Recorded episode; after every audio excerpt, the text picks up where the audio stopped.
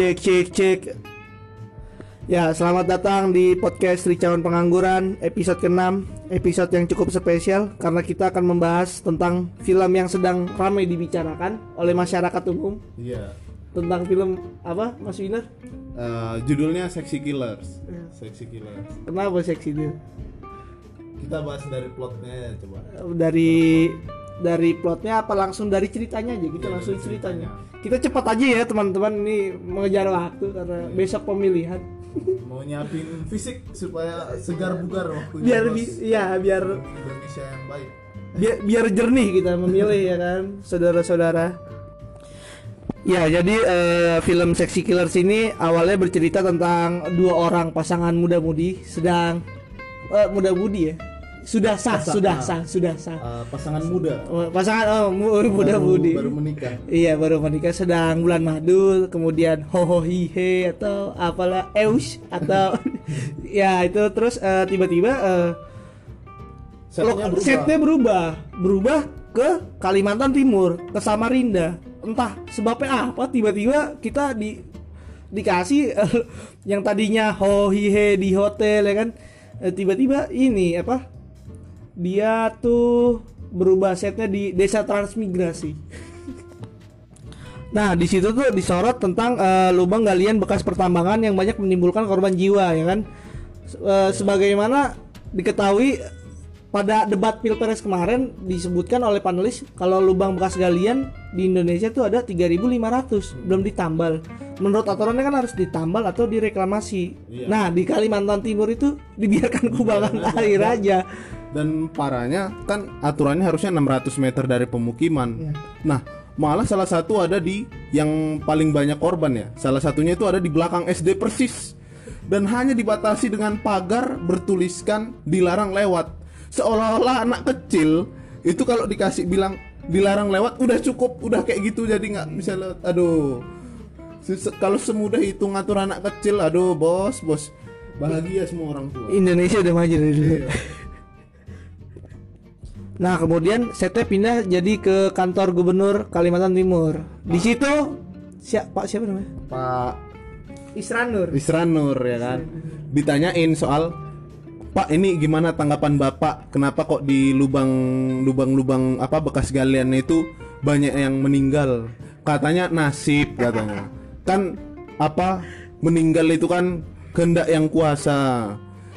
Jadi katanya bahkan dia bilang wah mungkin kayaknya banyak setannya itu. Makanya banyak yang meninggal. Banyak setannya banyak setannya bos. Iya banyak setan. Setan tujuh setan desa. Ini Aidit tuh tujuh setan desa. Nggak begitu, nggak begitu. Nah, udah tuh si bapak itu ngomong, eh, bapak Isranur yang terhormat emang cinta lingkungan mungkin kita cintai bersama Mungkin kita cintai bersama eh, mungkin dia juga ini wali Tuhan ya kan nah udah kita potong kasar aja. Abis itu da- di setelah itu ke gedung DPR Komisi 7 Komisi 7 pimpinannya berdebat dengan Dirjen Mineral dan Batubara Tah siapa itu namanya? Bapaknya tidak bisa menjelaskan berapa tanah yang di- harus dikembalikan oleh perusahaan pertambangan. Dijawablah bapaknya ngomong "Ih, ngomong apa eh, misalkan tanah lima tanah yang dikeruk eh satu banding lima katanya ngomongnya. Satu banding lima. Terus komisi tujuhnya tetap kakak berapa angkanya? Angkanya nggak tahu. Masa kalian yang bikin aturan kalian nggak tahu ya kan? Iya. ya jadi itu menjadi apa ya, ironi lah. Terus yang pembuat pembuat kebijakannya aja nggak tahu gitu. Terus yang satunya lagi apa ngomong iya pak jadi di lubang-lubangnya itu kami mau bikin tempat pariwisata tempat pariwisata bos di tengah hutan. Tempat pariwisata padahal cuma kubangan air setan yang apa yang berwisata di situ kata yang pimpinan dari DPR Komisi 7 ya?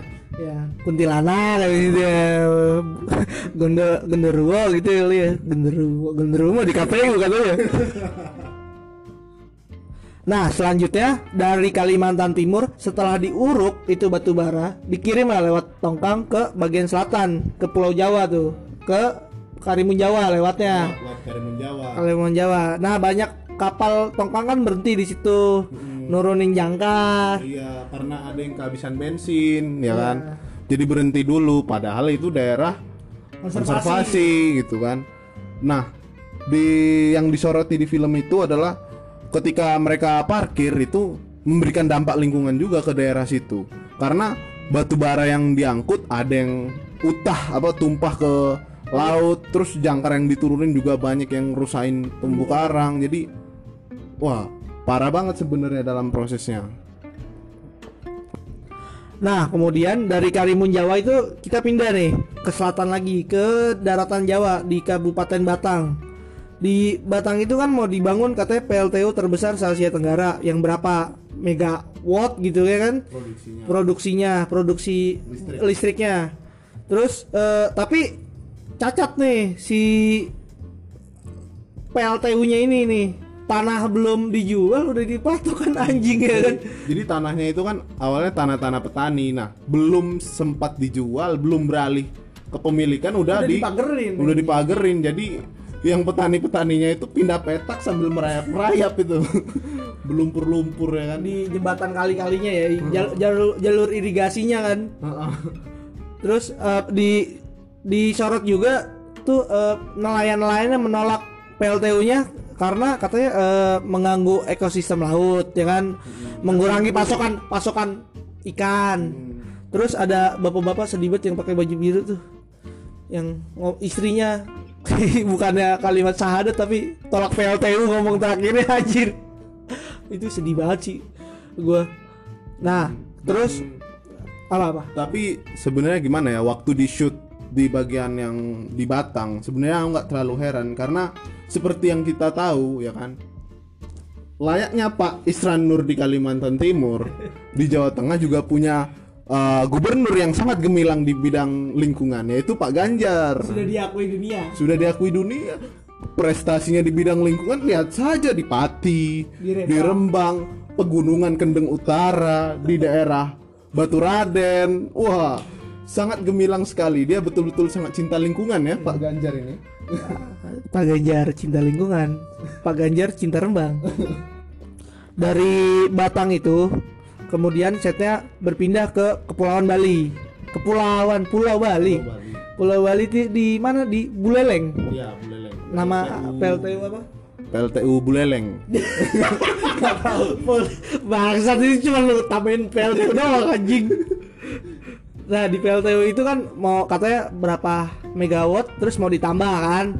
Udah tahap satu udah jadi udah jadi PLTU Terus tahap 2 lagi mau pengerjaan. Nah di situ ada satu Iya. dua Di orang antara- yang di antara tahap 1 dan tahap 2 itu ada satu petak tanah yang nggak mau belum mau dijual sama orangnya. Itu uh, petani sawit ya? Bukan. Eh, perkebunan kelapa kelapa. Petani kelapa. Petani kelapa. Dan sebelum apa PLTU itu berdiri, produksinya setiap panen itu 10.000 nah setelah adanya PLTU itu nurun sampai 2.500 bahkan dia di dalam film itu juga menampilkan uh, dampak kesehatan pohon-pohonnya itu juga kan banyak yang layu apa. Padahal janurnya masih ada. Nah, harusnya kalau dimakan hama. Hama ah, nggak ada jamur Heeh. janurnya nah terus ada selain itu ada lagi rumah yang masih bertahan udah ditinggalin tetangga tetangganya tapi masih ada tuh masih rumah siapa itu bapak siapa itu yang dia kena asma itu ya? Ken- ya kena bronkitis kronis. Kena bronkitis kronis. Eh, di situ juga dianya nggak mau pindah juga ya kan? Gara-gara apa nggak mau pindah ya? Kayaknya karena emang udah lama di situ kan. Ah ya ya ya. Terus ya udahlah. Dari dampak kesehatan itu eh, lebih jelasnya, lebih eksplisitnya tuh pindah setnya tuh berubah lagi tuh filmnya tuh ke Palu, ke Sulawesi. Di situ PLTU Panau ya kalau nggak salah. Yang kecil sih sebenarnya produksi listriknya cuman berapa megawatt seperempatnya dari eh sepersepuluhnya dari yang di Bali. Hmm, Cuman karena dekat dengan apa pemukiman dan pemukiman itu jauh dari jalan besar, jadi uh, polusi otomatis hanya datang dari situ. Nah di situ ditampilkan betapa dampak kesehatannya itu luar biasa. Satu kampung ya, se daerah itu hampir semua punya masalah ispa punya masalah eh, gangguan pernapasan terus eh, apa namanya di situ juga ditampilin rumah-rumah yang apa bagaimana dia mengotori rumahnya itu ya jadi Ya, ada debu, yang debu, debu. debu-debunya dikumpulin itu tiap hari jadi ditaruh di dalam toples boy. Ditaruh dalam toples dihitung nah nih segini nih debu yang kekumpul nih akibat dari PLTU ini.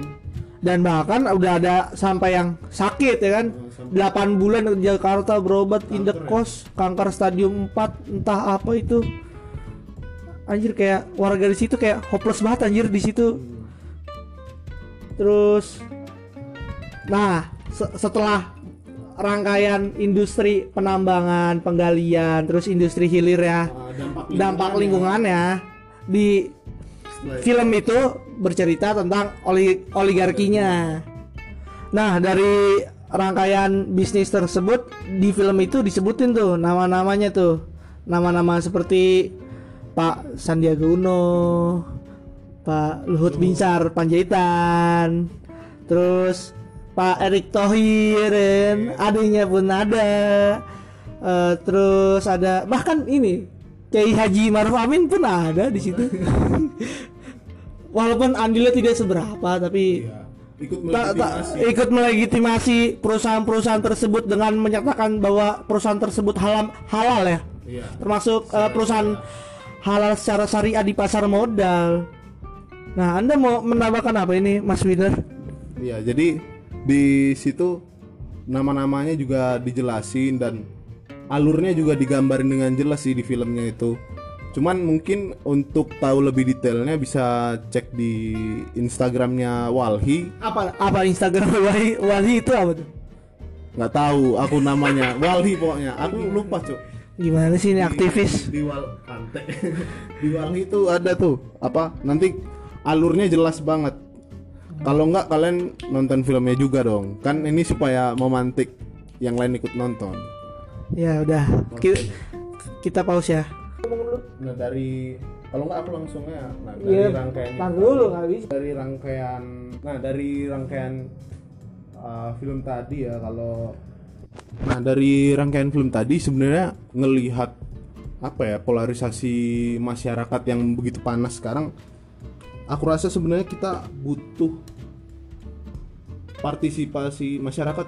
Kita sebagai masyarakat tuh butuh untuk berpartisipasi dalam politik lebih dari hanya sekedar terlibat dalam pemilu. Karena isu-isu yang berkaitan tadi itu kan sebenarnya dekat dengan kehidupan kita. Dan yang dibahas tadi hanya di dalam film itu baru soal uh, listrik soal Batubara. batu bara dan listrik gitu. Belum migas yang lainnya. belum iya belum listrik dari sektor yang lain dan belum isu-isu yang lain belum soal semen tambang emas soal uh, undang-undang pokok agraria Nah, dan isu wacana soal reforma agraria yang Nggak ya nggak tahu ke mana ya kan? Nah, sebenarnya ngelihat rangkaian itu semua sebenarnya aku rasa kita perlu untuk berpartisipasi lebih. Kita butuh sebagai warga kita itu perlu untuk berserikat untuk uh, terlibat membangun kesadaran soal apa yang terjadi di sekitar kita apa yang terjadi dengan uh, lingkungan kita karena seperti yang kita tahu, upaya-upaya hukum yang ditempuh dari kasus-kasus tadi kebanyakan gagal. Ada yang yang di situ diceritain ada malah dalam dia nuntut malah dia ada dua orang itu malah ditangkap ya kan. Dengan tuduhan melakukan kekerasan. Belum lagi kalau kita ngeliat yang lebih luas di kayak di Tumpang Pitu, di Sukoharjo, Rembang banyak yang ditangkap. Lewat apa? Dan upaya-upaya hukum formil yang diupayakan lewat jalur peradilan juga banyak yang gagal. Nah, sebenarnya kan kalau yang dibutuhkan sebenarnya jalur-jalur yang banyak ditempuh dulu itu yang banyak berhasil. Contoh misal kalau dari Aidit itu membangun kesadaran warga. Jadi warga itu terlibat ketika uh, tanah sawah mereka itu dirampas terus dijadiin pabrik apa kebun sawit. Nah mereka demo mereka apa ya membangun kesadaran dulu yang penting. Yang penting dia tahu dulu apa yang terjadi dia tahu dulu uh, alur wacananya dia tahu dulu hakikat tanah itu seperti apa aturan hukumnya seperti apa nah kalau ada kesadaran kolektif Hmm. otomatis uh, kekuatan warga itu lebih besar karena kita bergerak dengan sadar dengan tahu inti dari permasalahannya itu nggak cuman protes tok. Mm-mm. dan sebenarnya kalau mau hanya mengandalkan lewat jalur peradilan dari dulu iya dari dulu kekuatan kita sebagai sipil itu lewat jalur ekstra parlementer kita kekuatan kita ada di pembangunan advokasi non litigasi memang advokasi litigasi bukannya tidak perlu. Memang perlu terutama di negara hukum jalur hukum perlu dilakukan. Tapi kita perlu juga realistis bahwa Karena- karena semua melawan elit-elit. Iya, karena seluruh perangkat peradilan ada di elit. Jadi dan bukan rahasia umum kalau mereka banyak yang main mata, main bawah meja, otomatis kekuatan masa kolektif yang sadar itu jauh lebih dibutuhkan. Nah, kalau kita sekarang cenderung terlalu fanatik dan terpolarisasi dengan kondisi kayak gini, gimana kita mau melek? gitu. Gimana kita mau sadar soal ini lah Wong kita udah tutup mata dan hanya melihat satu calon aja. Kita harus lebih terlibat di politik yang sebenarnya, yaitu di fenomenanya, bukan hanya mengkultuskan orangnya. Bukan cuman sekitar pemilu, pilkada, pilkada. Iya. Masa demokrasi hanya pemilu doang? Jadi kesimpulan Anda apa kesimpulan Anda? Jadi cuman masyarakat harus berserikat melek politik dan Iya, membangun- jalur jalur hukumnya jangan yang non litigasi eh jalur hukumnya malah jangan yang litigasi. jadi apa? Berarti kita bangun kesadaran kolektif dan apa ya perkuat basis sih dengan kesadaran dan perlu juga digalakkan lagi jalur-jalur non litigasi jalur uh, ekstra parlementer politik massa yang itu jadi kekuatan karena ada kekuatan rakyat banyak ya kan kekuatan kolektif dan kekuatan wacana. Ya kalau dari gua dari gua tuh ya gua cuman berpendapat kalau yang direkam di film itu yang terjadi yang kerusakan lingkungan apalagi tuh penyakit gitu itu itu tuh trade off dari kebutuhan kita. Jadi kompensasi dari apa yang kita butuhkan tuh. Kurang beruntungnya mereka jadinya kita yang dapat gitu. Ngerti gak sih? Hmm.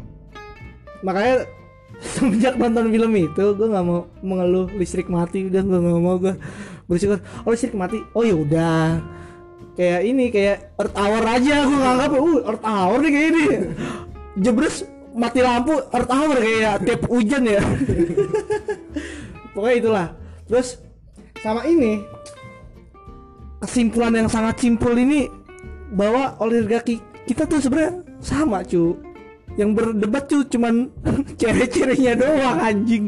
Buat apa kita berdebat? Sama aja ternyata pemimpin kita calon pemimpin kita dua-duanya. Karena ngeliat alurnya juga saling terhubung ya kan? Iya. sebenarnya. Nah ini kesimpulan terakhir kita. Kesimpulan terakhir kita semangat kita ya. Bahwa tanggal 17 ke TPS wajib nyoblos. Wajib nyoblos karena pasti kehidupan kita akan jauh lebih baik. Listrik terpenuhi. Iya. Pasca pemilu rakyat yang menang bukan elit. Ya terima kasih. Cukup sekian dari kami